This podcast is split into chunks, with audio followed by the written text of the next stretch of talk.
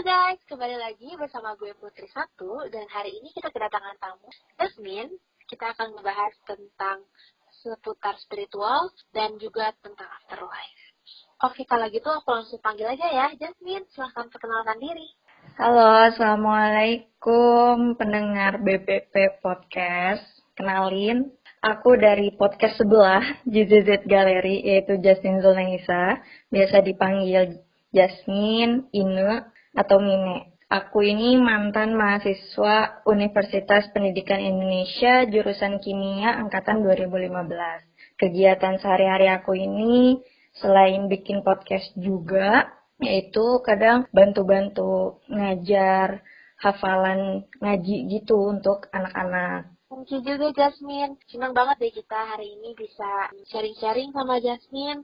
Dan hari ini tuh kita akan lebih ngediscuss tentang spiritual gitu. Oke, sebenarnya kan biasanya kan kita itu punya mindset ya. Kalau kita tuh beribadah bukan karena harusnya bukan karena kita takut dengan punishment gitu kan dari Tuhan, tapi sebenarnya itu karena kita harusnya kayak malu atau sebenarnya bebas sih apa alasan kita beribadah. Iya betul, setuju. Iya, kita kalau bisa kayak jangan sampai terbebani kali ya. Betul, terbebani dari nikmat yang kita udah dapetin tuh, kita tuh nggak ada timbal balik kayak gitu kan. Maksudnya, masa Allah udah ngasih kita banyak, misalnya Tuhan kita udah berikan banyak hal, tapi kita malah tidak memberikan juga ibadah yang sesuai gitu untuk Tuhan gitu. Yes. Gimana kalau menurutmu Jasmine? Gimana cara nge-treat mindset kita kan. Jadi yang aku pahami juga ya, hidup ini kan kayak ibarat perlombaan ya. Yang pasti ada garis finishnya. Dan setelah garis finish tersebut itu dari situ kita akan tahu gitu apa hasilnya, baik atau buruk menurut si dewan juri. And then aku paham banget dan percaya banget sama negeri akhirat, afterlife itu. Karena toh semua yang bernyawa kan emang pasti merasakan kematian kan. Dari situ juga aku pernah dengar juga pas kajian di Bandung pada masa kuliah saat itu. Jadi aku pernah dengar ada momen ustadznya bilang, kenapa kita tuh ibadah itu harus dari rasa malu. Karena pertama, Nabi Muhammad ya, Rasulullah kita tuh utusan Allah itu, beliau tuh orang yang paling pertama akan nyari kita di mana umatnya. Mau itu yang dari pas pertama beliau ada sampai beliau nggak tahu siapa aja nih umatnya yang sampai akhir zaman sekarang ini. Itu tuh dicari sama beliau. Yang dari ibadahnya oke sampai yang ibadahnya sebesar biji sawi. Itu tuh kan benih sawi tuh kan kecil banget ya. Yang berarti kan ibaratnya nih kita beriman iman itu kan kayak cuma percaya ya. Percaya adanya Tuhan dan ada utusannya Tuhan gitu. Adanya Allah dan utusannya Allah. Percaya timbang modal percaya aja tuh dicari sama Rasul dan diminta. Beliau tuh minta sama Allah ya Allah yang beriman yang punya sebesar biji sawi ini tuh tolong dong dimasukin ke surga reward kita gitu. Itu tuh yang di situ kayak momen malu. Malunya kenapa karena pertama beliau aja tuh sampai segitunya gitu nyari umatnya. Malu gak sih? Kita tuh masa nggak ada effortnya sih? Kalau ada effortnya kan ya kesannya nggak malu-maluin gitu ya. Masa udah diperjuangin sedemikian rupa tapi kita ya masih males-malesan gitu loh. Karena kan padahal ibadah itu kan buat diri kita sendiri juga kan bukan buat orang lain gitu. Karena hasil akhirnya kan yang ngerasain juga kita juga, bukan orang lain. Karena semuanya akan balik ke diri kita lagi. Apa yang kita perbuat ya apa yang kita dapat. Betul banget sih, Jasmine. Berarti nih, kalau misalnya kita tanya nih, menurut Jasmine, kehidupan afterlife itu bakal kayak gimana sih? Ya selain saya kita juga kan udah banyak, mungkin udah mendalami juga, kita tahu nanti akan ada hisap, dan juga masih banyak tahapan gitu kan, dunia cuma arah kan ya. Boleh dong di sharing juga nih ke kita. Aku sebenarnya masih belum cukup ilmunya ya di bidang itu. Mau alam bisa awal. Pokoknya emang prosesnya dari kematian sampai kita berhasil dapat reward surga atau neraka itu tuh yang prosesnya panjang banget dari kita sudah mati kita dibangkitkan dikumpulkan. Habis dikumpulkan itu itu prosesnya lama kan. Ya bayangin aja dikumpulin dari manusia zaman Nabi Adam sampai nan akhir nanti gitu kan. Itu prosesnya panjang. Terus proses perhitungan amal lagi timbangan kan dihisap. Dan ya sampai kalau nggak salah pun pas sebelum dihisap itu kan dikumpulin juga. Pas pengumpulan itu tuh kayak dikumpulnya emang per umat nabi gitu loh. Jadi pas dikumpulin yang per umat nabi tuh kecuali pas tahu aku ya ini mohon koreksi kalau ada pendengar yang lebih tahu. Setahu aku tuh ada juga beberapa umat yang nggak diakuin sama nabinya kecuali Nabi Muhammad ya. Jadi dari ada orang yang tidak meyakini Allah sebagai Tuhannya atau tidak beribadah itu benar-benar tidak diakuin oleh pemimpin nabi mana pun gitu. Dari misalnya si A, dia mengaku umatnya Nabi Adam. Nabi Adam nggak mengakui karena saya sudah pernah mengasih tahu kamu bahwa ada Tuhan loh yang maha kuasa atas segala sesuatunya, yang mengatur kamu dari kamu bangun tidur sampai tidur lagi, itu kan juga ada kuasa Tuhan gitu kan. Terus nggak diakuin sama Nabi Adam karena ya dia itu nggak mengakui kekuasaannya Tuhan itu gitu. Terus dia ke Nabi selanjutnya, ya kamu juga bukan umatku, kamu nggak ada effort untuk mengenal Tuhan itu gitu. sampai segitunya gitu yang nggak diakuin. Terus sampai dia minta tolong sama endingnya sama Nabi Muhammad sampai terakhir kalau nggak salah tuh ditolongin. Karena ya itu sebenarnya dia yakin. Dia sebenarnya dia tahu bahwa ada yang kuasa. Cuman logikanya yang berjalan gitu loh yang membuat dia nggak yakin. Karena kan perkara sebenarnya yakin dan gak yakin itu kan perkara hati ya, bukan logika. Jadi ya kalau bisa dibilang kurang lebih ya afterlife seperti itu gitu loh. Sebuah jalanan panjang juga yang harus dibekali dengan banyak hal gitu. Betul. Pernah dengar juga ini, koreksi juga ya pendengar kalau misalnya ada yang mungkin lebih paham. Iya. Satu hari di akhirat tuh sama aja kayak udah seribu tahun di dunia gitu ya. Iya, Betul. Lama kan, berarti umur kita itu berapa sih ya nggak sih Jasmine? Iya, nggak seberapa. Oh, kalau misalnya pendengar mau lebih tahu banyak, kalau nggak salah ada di YouTube-nya Ustadz Kalik Siau sama Ustadz Zulkifli. Itu juga ada pembahasan kok, kayak misalnya kita tinggal di masa kuburan tuh berapa lama, berapa tahun. Terus kayak pengumpulan umat berapa lama, berapa tahun. Sampai ada kalau nggak salah yang pengumpulan itu setahu aku antara pengumpulan atau pas hisap itu tuh sepuluh ribu tahun. Kebayang nggak sih lamanya? Udah mana lama pas after kita bangun dari kubur itu juga udah nggak sempet tuh nyari si A si B. Yang kita bikin tuh udah diri sendiri. Pendengar BBPers kita tuh jangan sampai lupa gitu kayak karena afterlife tuh justru bakal lebih panjang dan dunia tuh gak kerasa gitu kan karena ya kita juga dari dulu selalu diajarin ke dunia hanya sementara kan. Betul betul. Hanya wadah sendal gurau. Kita harus tetap ingat gitu apa sih sebenarnya tujuan kita di dunia ini? Betul itu back to kehidupan yang sesungguhnya. Kalau dari Jasmine nih mm -hmm. Yang sebenarnya kayak kita tuh perlu gitu persiapin. Karena kan tadi kita udah ada gambaran ya. Boleh dong share juga kita tuh harus udah nggak gitu kira-kira persiapan yang pas dan baik untuk mempersiapkan nanti afterlife tuh apa aja. Sebenarnya ini juga aku masih belajar ya. Masih belajar banget. Masih banyak kurang. Tapi yang paling penting itu yang meningkatkan kualitas diri sendiri nggak sih? Banyak banyak explore tentang ilmu baik itu ilmu agama sendiri sampai ilmu dunia yang harus kita niatin untuk ibadah. Terus yang aku juga pegang itu slogan dari pesantren Daur Tauhid di Bandung yaitu PDLT. Perbaiki diri, lakukan yang terbaik. Seperti yang aku bilang tadi gitu kan. Hidup ini kan memang sebuah perlombaan. ada finishnya kan. Tentu kita mau dong hasilnya juga bagus gitu di finish nanti. Di situ kan berarti kita butuh effort yang bagus juga ya. Tapi yang untuk diingat kita ini tuh tidak sedang berlomba dengan siapa pun sebenarnya. Kita tuh lomba dengan diri kita sendiri.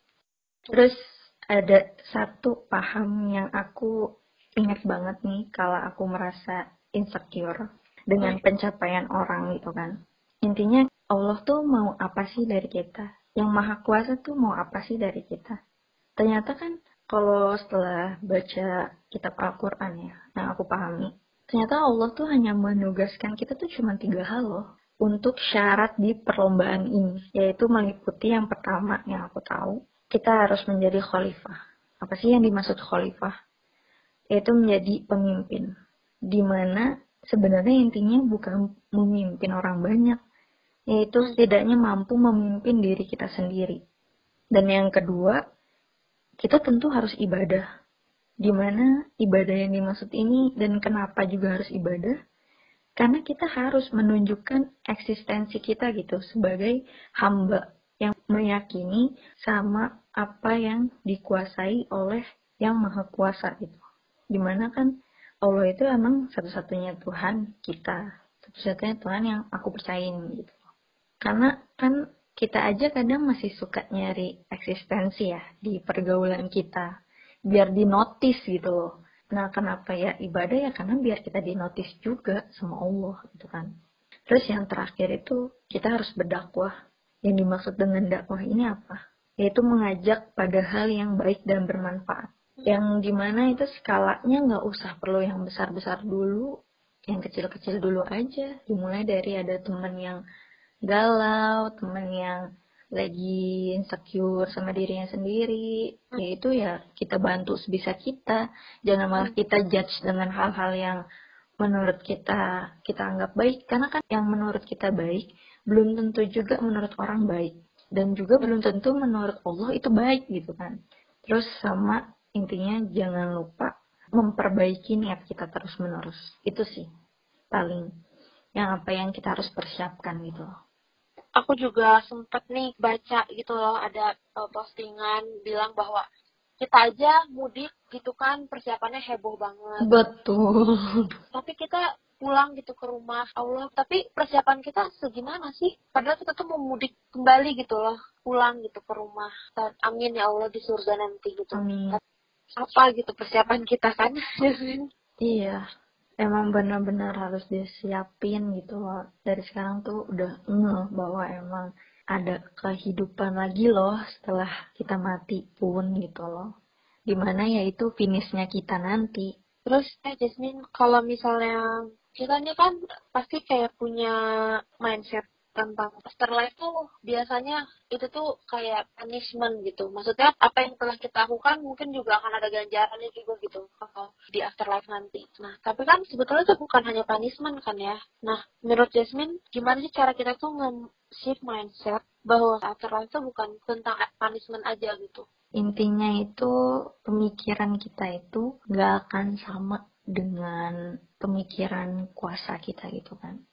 Kita mikir nih ah percuma sholat terus.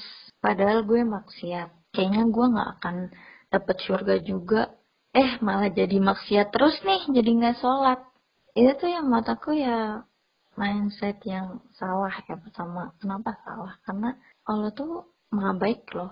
Kenapa maha baik? Karena orang yang tidak mempercayai kuasanya aja masih diberi kehidupan loh sama Allah. Orang ateis sekarang kan banyak. Tapi nikmatnya juga bisa dibilang lebih banyak gak sih daripada orang yang beriman malah sebenarnya emang Allah tuh baik gitu kan Allah cuma lagi menguji gitu loh siapa nih yang emang mau diakuin sebagai hambaku itu tuh kalau nggak salah kayak pernah dengar juga itu istidraj ya? Betul istidraj. Makanya hati-hati banget sih kalau udah dikasih nikmat dunia. Sebenarnya tuh Allah tuh lagi ninggalin kita loh. Ya udahlah dia nggak mau beriman kan sama gue? Udahlah gue kasih semuanya yang dia mau nih. Di dunia aja. Tapi di akhirat ya lihat gimana nanti. Gitu loh. Udah di masa bodohin. Jadi kan macam-macam ya kita diuji dan juga musibah tuh bukan hanya ujian atau istri terus itu yang serem loh menurut aku betul betul emang itu lebih serem lebih takut ya sebenarnya takut banget dihadapin di posisi kayak gitu terus ya makanya kadang ingat banget sama doa ini ya mukolibal kulub sabit kulubana ala dinik. Ya Allah yang maha pembolak balik hati, peganglah erat hati ini di jalanmu gitu loh. Karena kan emang manusia tuh emang emang bukan malaikat ya, yang gak akan pernah terus patuh dan akan ada posisi di mana meragukan. Nah itu tuh yang posisi yang meragukan. Itu sebenarnya itu tuh ujian dari Allah juga. Sifat apa ya pas dibolak hatikan kayak gitu loh itu ujian. Gimana caranya kita up lagi untuk ke jalan yang lurus tadi? Yaitu cari temen yang, yang saling mengingatkan juga. Terus banyak-banyak baca baca buku terus cari referensi. Jangan cuma satu referensi karena manusia tempatnya salah kok gitu loh. Tadi kan Jasmine mention juga ya, Allah pun bahkan memberikan banyak tuh untuk orang-orang yang mungkin nggak percaya dengan Tuhan juga gitu kan. Iya. Dan kalau misalnya ini boleh dikoreksi juga ya, apakah itu karena memang kan beberapa nama Allah dan sifat Allah juga kan kayak Ar-Rahman Ar-Rahim gitu. Jadi di mana Allah memang maha pengasih dan juga penyayang kan. Tapi kita harus takut juga kayak deg-degan dia tuh udah sayang belum ya sama kita gitu kan. Betul betul. Sebenarnya kalau aku sih ya, kalau aku pribadi hmm. kadang kenapa ngepus diri untuk beribadah, nunjukin eksistensi aku ke Allah tuh hidup ini berat enggak sih? Ya ada aja gitu masalahnya, udah lurus nih ada aja yang ngebelokin entah entar masalah internal keluarga atau dari luar gitu kan Iya. Hidup tuh kayak udah berat kayak gue pengen nih akhirat nanti hidup udahlah tenang aja gitu. Maksudnya kayak ya udah udah kayak nggak ada sempet nyicip nyicip neraka lah nauzubillah min zalik gitu. Karena ya gue ya. udah nyicipin pahitnya masalah hidup di dunia gitu loh. Yang kayak mungkin nggak akan seberapa dengan panasnya neraka gitu kan. Tapi kayak ih hidup di sini aja udah pahit masa di akhirat nanti gue akan dapet yang pahit-pahit lagi sih? Nggak mau lah. Rugi nggak sih? Rugi kan orang-orang yang kayak gitu merugi nggak sih justru padahal kadang kan ini ada dua hal nih ya. Misalnya Allah tuh juga udah bilang kan sama kita mungkin itu tuh kita juga lagi dihapusin dosa gitu sebenarnya. Pada saat kita sanggup Benny dengan kita justru sakit-sakitan segala macam. Nah jadi pada saat kita tuh justru lagi sakit itu justru kita harus tambah bersyukur. Karena berarti Allah tuh masih sayang gitu kan sama kita. Iya itu emang ujiannya sih. Cuman ya emang dinilai dari kesabaran kan. Cuman ya itu tadi kayak mindsetnya emang selain harus sabar dan ngepus diri ke ibadah tuh yang ya udahlah kan di surat al insyirah juga ya inna yusra fa inna ma'al yusra kayak sesudah kesulitan itu pasti ada kemudahan kan. Dan kalau menurut aku ya hidup di dunia ini kesulitannya yang jadi kemudahannya tuh ya nanti di akhirat gitu loh kalau menurut aku. Koreksi lagi ya guys. Betul sih. Intinya yang paling penting sebenarnya yang agama itu sholat ya. Sholat bahwa karena dia tiangnya. koreksi juga kalau misalnya belum benar bahwa kita tuh punya banyak amalan. Diajarin bahwa kayak amalan yang lain tuh nilai itu nol nol nol tapi pada saat kita nggak sholat karena angka satunya itu dari sholat gitu loh. Yes setuju setuju banget. Itu juga beberapa ustadz-ustadz yang aku kadang suka ikutin kajiannya juga pernah bahas itu. Karena sebenarnya porsinya ini sebenarnya sharing yang untuk mengingat juga sih ya. Ini kayak aku ngomong tuh sambil kayak berkaca gitu loh. Kayak ini lo yang lo ngomongin dan lo yang harus jalan juga lo min. Dan menurut Jasmine harus nggak sih sebenarnya kita tuh takut dengan kematian? Apa ya? Kalau dibilang harus takut ya nggak harus. Tapi manusia pasti takut gak sih ketika meninggalkan atau ditinggalkan. Tapi sebenarnya harusnya tuh gimana sih? Memang justru kita harus takut atau justru kita harusnya siap gitu atau harus kayak gimana? Gitu? Ditinggalkan atau meninggalkan itu nggak pernah ada di posisi harus siap gitu, ya nggak sih?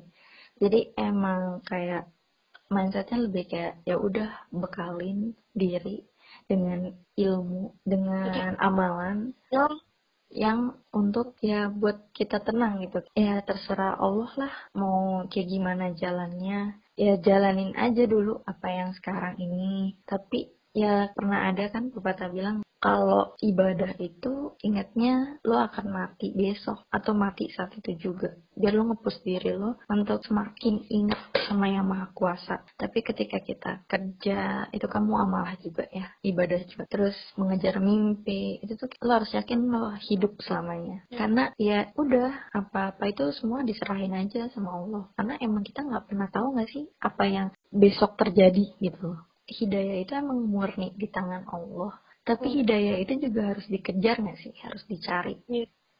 Hidayah itu pokoknya dijemput sih, jangan ditunggu. Itu betul sih, setuju banget. Itu kita nggak bisa kayak cuman diem aja, karena kan tetap harus usahakan ya. Kita yeah. menjemput. Betul. Sebelum kita akhiri, aku pengen minta Jasmine untuk share juga kira-kira pesan atau reminder gitu bagi kita semua untuk bisa siap gitu dengan afterlife. Pokoknya sekali lagi aku ucapin terima kasih banget juga udah menjadi wadah untuk sharing ini ya BPP Podcast. Pokoknya jangan lupa di share juga linknya ya teman-teman pendengar ke teman-teman kamu lagi semua karena emang ini insya Allah sharing-sharing BPP Podcast juga bermanfaat. Jadi intinya remindernya tuh sebenarnya ini reminder untuk aku juga sih. Jangan sibuk mencari, tapi sibuklah menjadi. Contohnya case-nya nih, kadang ada orang hijrah. Terus jadi sibuk mencari pasangan hidup yang juga maunya yang hijrah, yang baik, yang baca Al-Qurannya udah bagus banget, yang bisa ngemong dia untuk lebih baik. Padahal menurut aku kita nggak bisa berpegangan sama manusia gitu loh karena ketika kita mengharapkan lebih sama manusia pasti akan sakit. Karena pertama kita nggak tahu umur orang sampai kapan. Dan kita nggak tahu hati orang sampai kapan maksudnya bersama kita gitu. Kayak karena kan hati maha dibolak balikan ya. Betul. Tapi sibuklah menjadi. Makanya yang aku bilang juga kan yang di persiapan tadi kita tuh harus meningkatkan kualitas kita. Diri. Iya kualitas diri. Kenapa? Karena ya dari awal kita lahir sampai nanti kita mati kita sendiri kok. Walaupun emang wadahnya pas lahir kita di perut ibu. Cuman kan itu kan kita munculnya sendiri dengan kuasa ilahi gitu kan. Dan mati pun juga ya sendiri nanti di kuburan gitu. Loh gak ada siapa pun. Pas bangun pun kita juga mikirinnya diri sendiri. Nggak sempet mikirin orang lain. Ya kayak eh gue gimana gue gimana yang kayak oh udahlah si antar aja orang gue aja belum kelar nih urusannya nih. Ntar kalau gue udah kelar baru gue bisa ngurusin orang. Kan ada tuh kan kayak syafaat dari teman-teman yang baik gitu kan. Tapi kan itu nanti gitu kan setelah amalan kita sendiri. Terus kadang tuh kita kasihkan jadi baik sendiri dan lupa bahwa award dari Allah itu kan surga ya. Surga tuh sepemahaman aku tempatnya luas banget. Hmm. dan oleh karena itu jangan jadi baik sendiri. Kan? dan kalau sudah berbuat baik ke orang juga jangan lupa niatnya itu diperbaiki terus. Karena ya itu ya karena kita ada suka perasaan ya kadang ria kadang ini. Makanya kadang suka kalau berbuat baik diingetin ini kan Allah ini kan Allah Allah dulu, Allah lagi, Allah terus. Put, Put, ayo kita balik lagi ke dunia nyata. Ya ampun Put, ini juga nyata kali, makanya mending kalian dengerin episode kita yang lainnya.